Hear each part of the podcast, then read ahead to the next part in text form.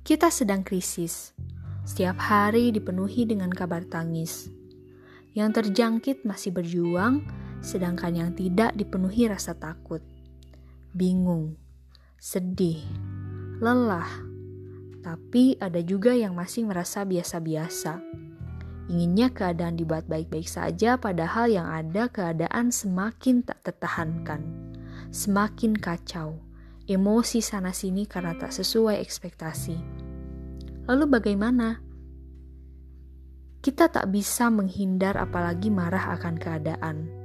Agar lebih baik, kita harus menerima walau perlahan. Semua manusia perlu proses untuk mencerna semua ini, tak bisa langsung beralih.